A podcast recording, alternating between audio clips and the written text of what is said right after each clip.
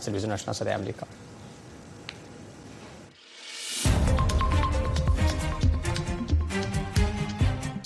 سرخط سه خبر مهم در برنامه امروز تلویزیون آشنا صدای امریکا از واشنگتن بر اساس گزارش مقامات صحی از منطقه از سه هفته بدین سو در جنگ میان اسرائیل و حماس حدود 9500 نفر از هر دو طرف هلاک شدند. یک زلزله دیگر نیمه شب گذشته برخی مناطق ولایت هرات را تکان داد. از تلفات و خسارات این زلزله تا هنوز جزئیاتی ارائه نشده است.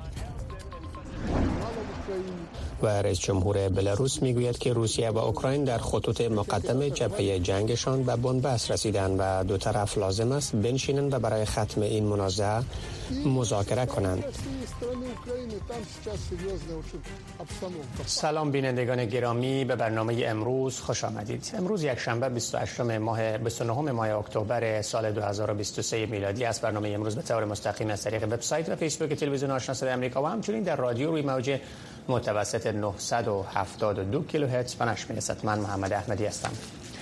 در برنامه امشب در کنار سایر خبرهای افغانستان و جهان تازه ترین وضعیت از جنگ اسرائیل و حماس در غزه را ژیلا نوری در گزارشی ترتیب کرده که تقدیم شما می کند تازه ترین خبرها تلاش های نهادهای بین المللی به ترغیب پاکستان برای توقف تصمیمان کشور به اخراج افغانهای فاقد سند اقامتی در پاکستان با مسکا صافی خبرنگار صدای آمریکا در پشاور صحبت می کنیم که جزئیات بیشتر را دارند نخست خبرهای از شرق میانه. بنیامین نتانیاهو صدر اعظم اسرائیل روز شنبه اعلام کرد که نیروهای اسرائیلی مرحله دوم جنگ غزه را همزمان با فشار بر عملیات زمینی علیه حماس آغاز کرده و تعهد کرد که دشمن را در بالای زمین و زیر زمین نابود خواهد کرد. همکارم ژیلا قسمی که در ابتدای برنامه گفتم خبرهای مربوط منطقه را دنبال کرده و اکنون در استودیو با من هست سلام ژیلا جان. آخرین تحولات منطقه از جنگ اسرائیل و حماس چی هست و مرحله جنگ زمینی اسرائیل که آغاز شده در چه وضعیتی است؟ تشکر آقای احمدی صدر اسرائیل هشدار داده که جنگ طولانی و دشوار خواهد بود. با آغاز عملیات زمینی نیروهای اسرائیل در غزه وضعیت در این منطقه غیر عادی است. در حالی که جت‌های جنگی اسرائیل و روز شنبه نیز به بمباران نوار غزه ادامه دادن اسرائیل عملیات زمینی گسترده را علیه جنگجویان گروه حماس آغاز کرده است. رهبر حماس در نوار غزه روز شنبه گفت که گروه آماده مبادله فوری و سرا با اسرائیل است.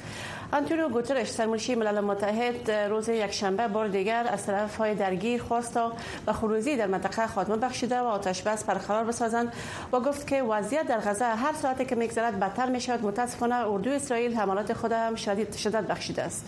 یک نهاد کمک های بشری ملل متحد در منطقه می‌گوید که هزاران فلسطینی به دلیل سه هفته جنگ اخیر در حال ناگوار در محاصره قوای اسرائیلی ماندن و به گدام های برخی از نهادها در نوار غزه حمله کردن و گندم آرد و مواد غذایی عالیه را با خود بردن. شر بیشتر گزارش های رویترز آماده کردیم که بعد توجه شما می‌رسند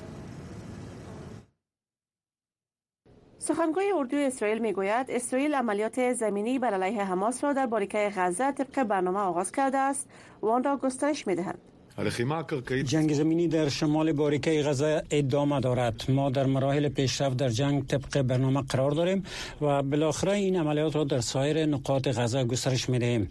عملیات زمینی پیچیده است و خطرات زیادی متوجه قوای ماست. ما هر چیزی را که در توان ما باشد از طریق هوایی زمینی و بحری برای اطمینان از امنیت نیروهای ما برای کسب اهداف تعیین شده برای جنگ انجام خواهیم داد. باشندگان فلسطینی که در محاصره قوای اسرائیلی قرار دارند هر راههای ارتباطی و اینترنت و بیرون را به دلیل بمباری اسرائیل بر علیه پایگاه های حماس از دست دادند. که عملیات زمینی در مراحل ابتدایی قرار دارد اما صدراعظم اسرائیل تعهد نموده است تا برای آزادسازی 230 نفر گروگان در قید حماس هیچ کوشش ابا نخواهد ورزید. بر اساس گزارش مقامات صحی از منطقه از سه هفته بدین سو در جنگ میان اسرائیل و حماس حدود 9500 نفر از هر دو طرف هلاک شدند. مقامات صحی روز یک شنبه اعلام کردند که حدود 8000 فلسطینی در غزه در اثر حملات هوایی اسرائیل جان باختند و ده نفر در کناره غربی رود اردن کشته شدند. مقامات صحی اسرائیل گفتند که تاکنون 1400 اسرائیلی در نتیجه سه هفته جنگ در اسرائیل نیز هلاک شدند. از سوی دیگر قوای اسرائیلی به حملات هوایی خود بر غزه در طول روز شنبه الی یک شنبه ادامه دادند. در این حال گروه حماس بر راکت پراگنی بر اسرائیل ادامه داده است به اساس گزارش العربیه اردوی اسرائیل حملات خود را بر جبیله و خانیونوس روز یک شنبه آغاز کردند و در جنگ شدید با افراد مسلح فلسطینی درگیر هستند. این در حال است که راه ارتباطی اینترنت به دلیل آغاز عملیات زمینی اسرائیل به غزه قطع شده است. نهادهای خیریه تماس با تیم‌های خود را در غزه از دست دادند که شامل صلیب سرخ منطقه برای رساندن کمک‌های بشری می شود یکی از مقامات این نهاد خواهان آتش بس مقت شدند تا آنها کمک‌های اولیه را به غزه برسانند. دیروز کمیته صلیب سرخ موفق شد تا تیم جراحان را با نیازهای اولیه صحی اضطراری به منطقه بفرستد. این تیم شامل دکتران جراح و نرس ها و کمک های اولیه صحی است و در کنار مقامات صحی در منطقه برای رسیدگی به مجروحین در غزه کمک می کنند ما هر کار که لازم باشد برای رسانیدن کمک ها انجام می دهیم اما برای آن باید ما را دسترسی بدهند. بر اساس گزارش نیروهای دفاعی اسرائیل تانک ها و قوای اسرائیلی نیروهای اسرائیل به شکل محدود ولی باثبات در حال پیشرفت به جانب غزه هستند. ژیلا نوری تلویزیون آشنای صدا امریکا واشنگتن. تظاهرات ضد حکومتی در اسلام آباد پایتخت پاکستان روز شنبه با شلیک گاز اشکاور و استفاده چوب دنده برای متفرق کردن مظاهره کنندگان در حمایت از فلسطین به خشونت گرایید. حامیان حزب جمعیت اسلامی شاخه های درخت و ترهای موتر را در میان شهر آتش زدند. آنها همچنان شعارهایی در حمایت از فلسطین فریاد می‌زدند. یک روز قبل پلیس شماری از رهبران محلی و کارگران این حزب را در حالی که برای برپایی راهپیمایی حمایت از غزه آمادگی می‌گرفتند بازداشت کرد این راهپیمایی توسط جمعیت اسلامی در پایتخت پاکستان روز یکشنبه برنامه ریزی شده بود که توسط اداره شهر اسلام آباد به تعلیق درآمد. اما سراج الحق رئیس این حزب در کنفرانس خبری گفت که با وجود تعذیرات آنها با وجود تعذیرات آنها این راهپیمایی را برپا خواهند کرد. کم از کم یک نفر در یک رشته انفجارات در یک مرکز اجتماعات در ایالت جنوبی کرالای هند امروز کشته شدند و چندین تن دیگر زخمی کردند بر طبق رسانه های محلی اجتماع موسوم به شاهدان عینی جهووا در این مرکز اجتماع سه روز را با اشتراک بیشتر از دو هزار نفر برپا کرده بودند. وزیر صنعت ایالتی کرالا و گزارشگران گفت سبب این انفجار به طور فوری معلوم نیست. شاهدان عینی جهووا یک فرقه مسیحی بین المللی است که در ایالات متحده تقریبا در سال 1870 تأسیس گردید. آنها به خاطر تبلیغ مسیحیت با مراجعه منزل به منزل در بسیاری کشورها شناخته شده هستند. الکساندر لوکاشنکو رئیس جمهور بلاروس می‌گوید که روسیه و اوکراین در خطوط مقدم جبهه جنگشان به بنبست رسیدند و دو طرف لازم است بنشینند و برای ختم این مناظره مذاکره کنند. قصر سفید گفته است که نیروهای روسی این هفته به حمله بر نزدیکی شهر ویران شده اودیفکای دونتسک ادامه دادند که متحمل تلفات زیاد شدند اما خطوط گسترده جنگ در اوکراین در سال گذشته با وجود تهاجم خسته کننده چندین ماهای کیف پیشروی اندکی داشته است. لوکاشنکو که قلمرو کشورش مکان تهاجم همه جانبه پوتین به اوکراین در سال 2022 بوده است گفت که تقاضاهای اوکراین از روسیه به خاطر ترک قلمرو کشورش مستلزم حل و فصل در پشت میز مذاکره است که به ترتیب کسی از بین نمی رود ولادیمیر زلنسکی رئیس جمهور اوکراین روز شنبه بر پلان صلح ده فقره خود تاکید کرد که شامل تقاضا به اعاده تمامیت ارزی به عنوان تنها راه حل پایان جنگ است. چارلز سوم پادشاه بریتانیا سفر چهار روزه به کنیا را روز سهشنبه آغاز می کند که اولین سفر او به آفریقا از زمان پادشاه شدنش پس از مرگ مادرش ملکه الیزابت در سال گذشته است یکی از اهداف این سفر پرداختن به آنچه که مقام های قصر بکینگهام جنبه های دردناک گذشته استعماری بریتانیا با مردم آفریقای شرقی توصیف کردند می باشد شرح این گزارش را نجیب خلیل بعد توجه می رساند.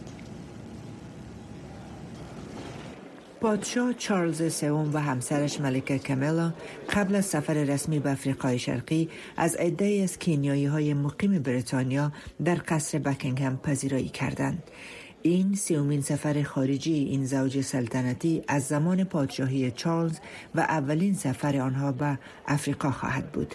کینیا برای خانواده چارلز اهمیت نمادین دارد اولیویا اوسلوان مسئول برنامه جهانی بریتانیا می‌گوید کنیا جایی است که سلطنت ملکه الیزابت دوم مادر شاه چارلز آغاز شد. او فهمید که پدرش در کنیا مرده است اگرچه دوران بعد از استقلال فراز و های خود را داشت.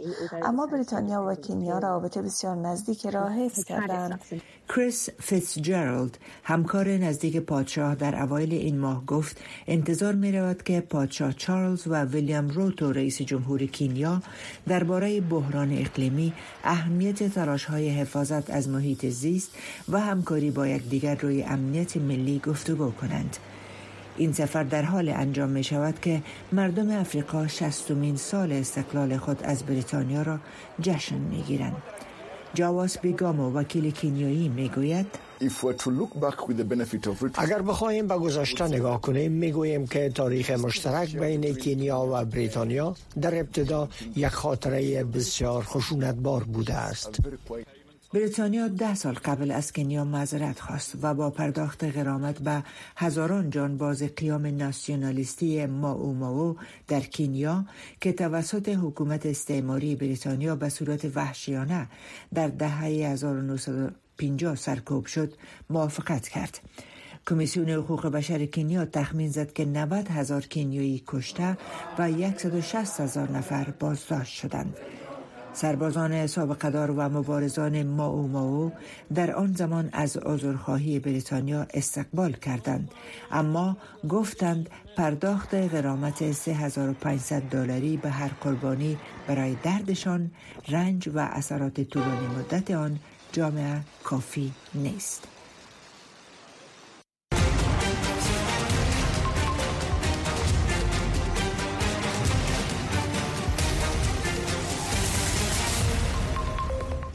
امین خان متقی سرپرست وزارت خارجه طالبان در سفر به ترکیه با فریدون سنرلی اوغلو همان کننده ویژه سازمان ملل متحد برای افغانستان در استانبول دیدار کرد. عبدالقهار بلخی سخنگوی وزارت خارجه طالبان با اعلام این خبر در شبکه اجتماعی ایکس نوشت که آقای متقی در این دیدار گفت که اکنون در افغانستان امنیت برقرار شده و جامعه جهانی با در نظر داشته حقایق در زمینه تعامل با طالبان گام بردارد. بیش از دو سال از بازگشت طالبان به قدرت می‌رسد اما هیچ کشوری هنوز حکومت طالبان را به رسمیت نشناخته است. ولی برخی از کشورها از جمله ترکیه دیپلمات‌های طالبان را پذیرفتند رعایت حقوق بشری به ویژه حقوق زنان و دختران و ایجاد حکومت همه شمول در افغانستان از خواسته های عمده جامعه جهانی از طالبان است. یک زلزله دیگر حوالی نیمه شب گذشته برخی مناطق ولایت هرات را تکان داد. بر اساس معلومات اداره سروی جیولوژی ایالات متحده آمریکا شدت این زلزله 5 درجه به مقیاس رکتر بوده است تلفات و خسارات این زلزله تا هنوز جزئیاتی گزارش نشده است. مقام های حکومتی طالبان هم تا هنوز درباره وقوع این زلزله چیزی نگفتند. در جریان سه هفته پیش سه زلزله نیرومند و ده ها زلزله خفیف و پس لرزه های هرات را تکان داده است آمارهای شفاخانه حوزوی هرات نشان می‌دهد که بیشتر از 2500 تن در این زلزله های اخیر جان باختند و بیشتر از 2000 تن دیگر زخمی شدند دو روز دیگر به ختم ضرب العجل حکومت پاکستان و تمامی افغانهای بدون مدرک اقامتی برای ترک آن کشور باقی مانده است. اسلام آباد زمان اوایل ماه جاری به اخراج میلیون یک میلیون و چهارصد هزار مهاجر افغان فاقد سند اقامتی قانونی تصمیم گرفت که ده ها هزار افغان از بیم کشته شدن و توقیف شدن توسط طالبان به دلایل و به دلایل فقر و بیکاری به این کشور پناهنده شدند. در این حال اتحادیه اروپا اعلام کرد که کمک حدود 16 میلیون دلاری را برای بازگشت افغانها به کشورشان اختصاص داده است. در این حال حکومت طالبان برای بازگشت اجباری مهاجرین از پاکستان آمادگی می‌گیرد و راههای رسیدگی به این بازگشت اجباری را مورد غور و ارزیابی قرار داده است. برای بررسی تازه ترین وضعیت از پناهندگان افغان فاقد سند اقامتی در پاکستان با واکنش ها به این تصامیم پاکستان با مسکا صافی خبرنگار صدای آمریکا از پشاور پاکستان صحبت می‌کنیم که اکنون طریق اسکایپ در برنامه است. مسکا سلام. خبرهای تازه از تلاش های نهادهای بین المللی به ترغیب پاکستان. به توقف این اخراج پناهندگان چی هست؟ حکومت پاکستان آیا تا به حال انعطافی را از خود نشان داده. تشکر احمدی صاحب سلام به شما شما و تمام بینندگان همانطور که شما گفتین کمک 16 میلیون دلاری یا 15 میلیون یورویی که توسط اتحادیه اروپا برای مهاجرین افغان یا کسانی که به شکل اجباری به افغانستان بازگشت می‌کنن صادر گردیده یا اعلان گردیده و این نخستین باری است که برای مهاجرین افغان این کمک صورت می‌گیرد. اتحادیه اروپا روز گذشته در صفحه اکسشان نوشتن و گفتند که یک جا با سازمان بین المللی مهاجرت یا IOM می‌خواهند اطمینان حاصل کنند تا مهاجرین که از پاکستان به افغانستان می‌روند باید احساس مسئولیت داشته باشند. و زمانی که به خودشان پاکشان برمیگردند باید با همکاری یا حمایت کامل یا لازم دسترسی داشته باشند. از سوی دیگر می‌بینیم که طالبان نیز برای رسیدن به کمک مهاجرینی که از پاکستان به افغانستان به شکل اجباری بازگشت می‌کنند غور فکر کردن و رهبر طالبان حفظ الله خانزاده دستور ایجاد عضو یک نفری داشته باشه که رهبری اشاعت دارد.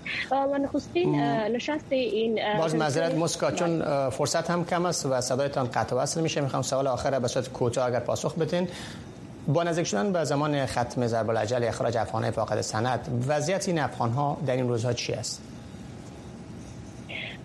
تشکر. اگرچه ببینیم دو روز مونده به خاطر همین مدتی که پاکستان داده همکنون در طرف پاکستان چیز تغییر دیده نمیشه و ما امروز که خودم با سخنگوی یونسیار تماس گرفتم قیصر افریدی با اظهار امیدواری گفت که شاید تا فردا چیز جواب یا تصمیم در تبدیلی در تصمیم پاکستان به نظر برسد.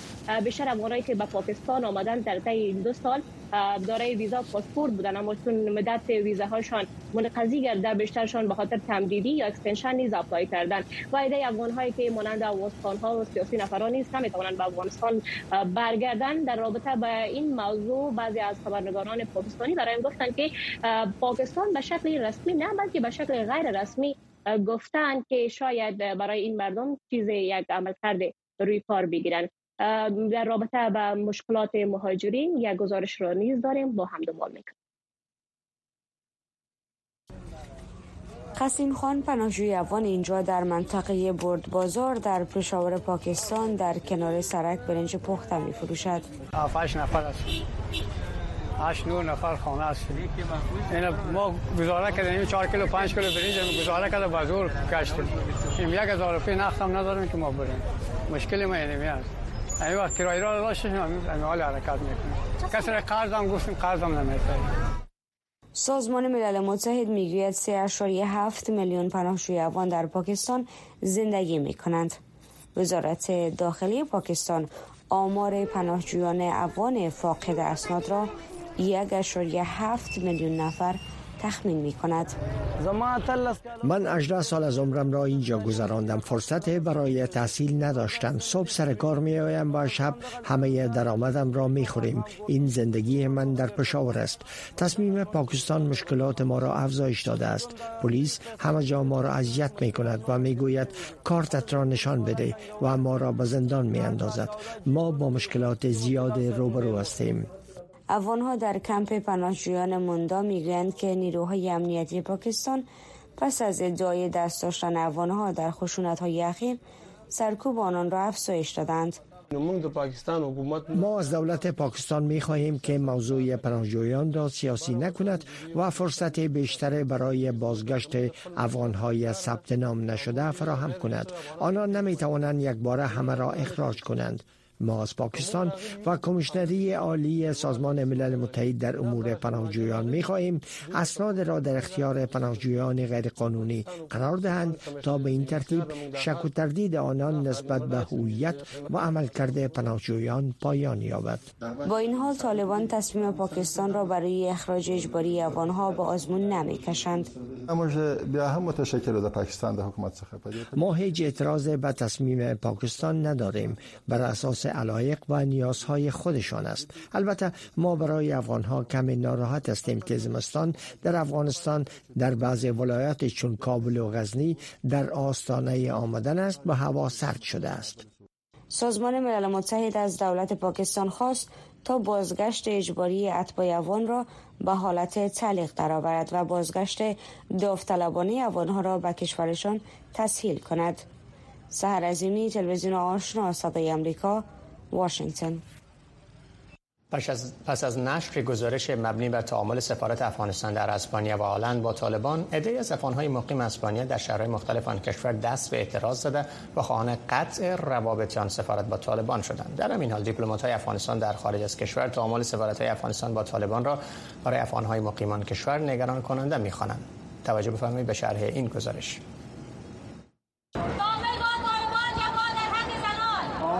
شهرهای مادرید، خیخون، بیلباو و بارسلونای اسپانیا اخیرا شاهد اعتراضات افغانهای مقیم آن کشور در برابر تعامل سفارت افغانستان در آن کشور با طالبان بود. ما مخالف هر گونه تعامل سفارت افغانستان با گروه تروریستی طالبان می و به هیچ وجه قبول نداریم که سفارت افغانستان با گروه تروریستی طالبان و نمایندگی مردم مهاجر و مردم افغانستان با طالبان تعامل کنند. افغانستان چی در داخل کشور و بیرون از کشور؟ هیچ نوع تعامل با تروریستان نمیپذیرند در همین حال سیما نوری تحلیلگر مسائل سیاسی هر گونه تعامل با طالبان را مردود می‌داند و می‌گوید همانطور که در جریان هستین تعدادی از سفارتخانه های افغانستان در خارج از کشور شروع با تعامل با طالبان کردند و سفارتخانه های افغانستان را یکی یکی به طالبان واگذار می‌کنند در شرایطی که ما آپارتاید جنسیتی در افغانستان داریم جنوساید هزاره ها را داریم و اوضاع داخلی افغانستان بسیار بد هست.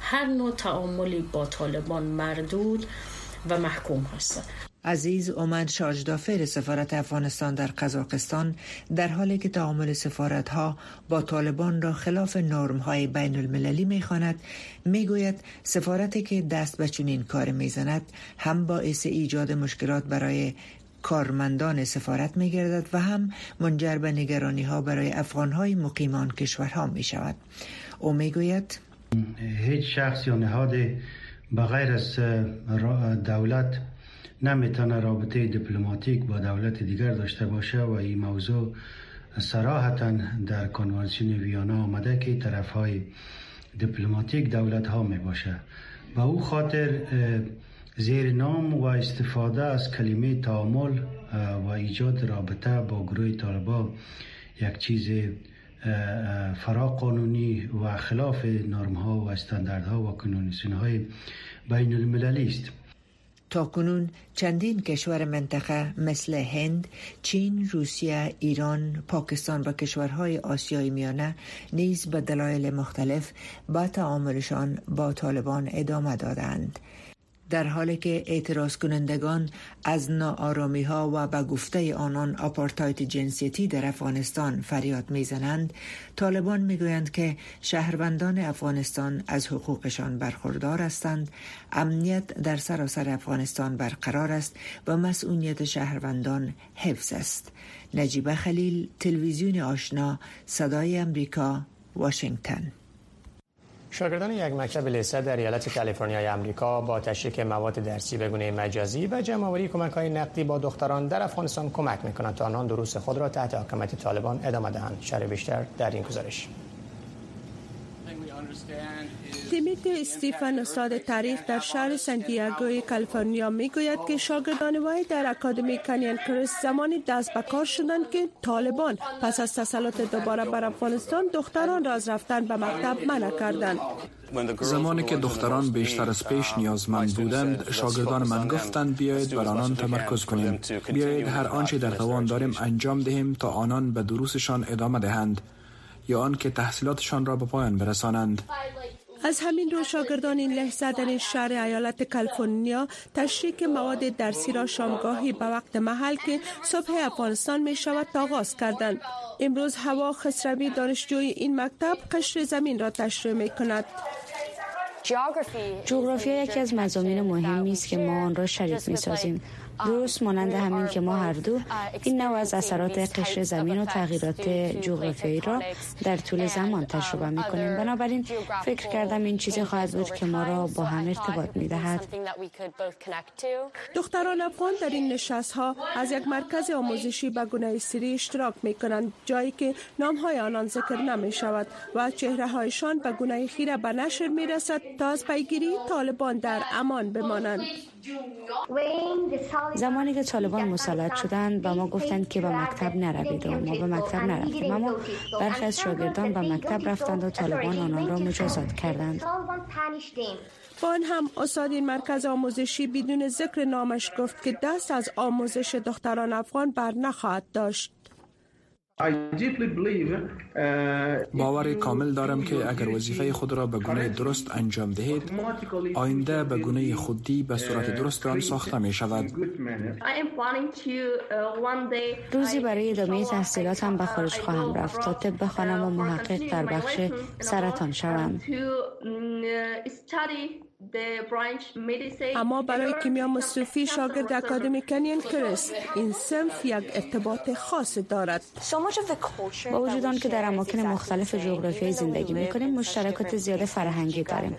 خانواده من از ایران است و آنان از افغانستانند ما با این زبان صحبت می کنیم و عین سنت ها را تجلیل می کنیم شاگردان امریکایی با دختران افغان پروژه های هنری و شعری را شریک می کنند در سندیاگوی کالیفرنیا شاگردان نسخه های برخ از این پروژه ها را فروختند تا بیش از ده هزار دلار. برای خریداری کامپیوترهای لپتاپ در افغانستان پول جمع آوری کنند. این صنوف مشترک با پیوستن شاگردان از هنگ کنگ و ایالت های ماساچوستس، کنتیکت و جورجیا امریکا با آن در حال گسترش است. رویا زمانی تلویزیون آشنای صدای امریکا واشنگتن.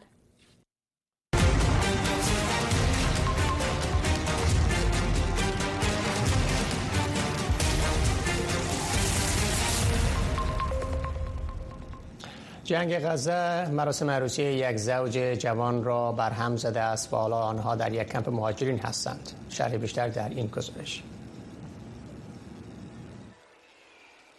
احمد صفی و سوار دو جوان در نوار غزه با هم نامزاد بودند که مدت طولانی را برای 19 اکتبر منتظر بودند تا با هم ازدواج کنند و زندگی جدیدشان را آغاز کنند. آنها چند ماه اخیر را برای مراسم عروسیشان با شور و شوق آمادگی می گرفتند تا روزی که مشخص کرده بودند در نهایت بتوانند با هم ازدواج کنند و خانواده جدیدشان را تشکیل دهند. اما همه امید و آرزوی آنها با آغاز جنگ بین اسرائیل و حماس برباد رفت و بربر شد. پس از اینکه جنگ آغاز شد ابتدا با نامزدم و خانواده ام تماس گرفتم و از آنان خواستم تا از شمال غزه به سمت جنوب غزه اینجا بیایند. در آن لحظه نتوانستم خودم را کنترل کنم. زیرا حملات هوایی در شمال شدیدتر بود و در امتداد راه حملات هوایی اسرائیل جریان داشت. ما شاهد صحنه های دلخراش و دیدن اعضای بدن انسان ها بودیم. همه ما خیلی ترسیده بودیم. اسرائیل به همه باشندگان نیمه شمالی نوار غزه گفته است که به سمت جنوب حرکت کنند. اما حملات هوایی آن سر تا سر این مناطق را ویران کرد. سوار صفی نامزد احمد صفی می‌گوید هر آنچه ما برای آغاز زندگی جدیدمان آرزو کرده بودیم را آغاز این جنگ نابود کرد و آرزوی پوشیدن لباس سفید عروسی به دلم آرزو باقی ماند. قرار بود 19 اکتبر روز خوشی و شادمانی ما باشد روزی که برایش هیجان داشتم. روزی که قرار بود اولین عروس از خانوادم باشم. ولی این روز برای من و همه خانوادم تبدیل به روز غمانگیزی شد.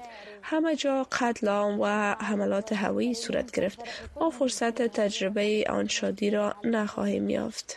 این در حال است که با آغاز جنگ میان اسرائیل و حماس بیش از اشاریه چهار میلیون نفر تحت شدیدترین بمباران اسرائیل قرار گرفته و مجبور به فرار از خانه هایشان شدن و به سرپناه های موقت پناه بردن مقامات فلسطینی می‌گویند که در حدود 5800 نفر در حملات هوایی و توپخانه اسرائیل پس از حمله هفتم اکتبر جنگجویان حماس و اسرائیل که باعث کشته شدن بیش از 1400 نفر و گروگانگیری 200 نفر شد کشته شدند. خدیجه همال کوزای تلویزیون آشنا صدای امریکا واشنگتن. بینندگان گرامی به ختم نشرات امروز رسیدیم سپاس از همراهی شما. با نشرات امروز موفق و کامیاب باشید.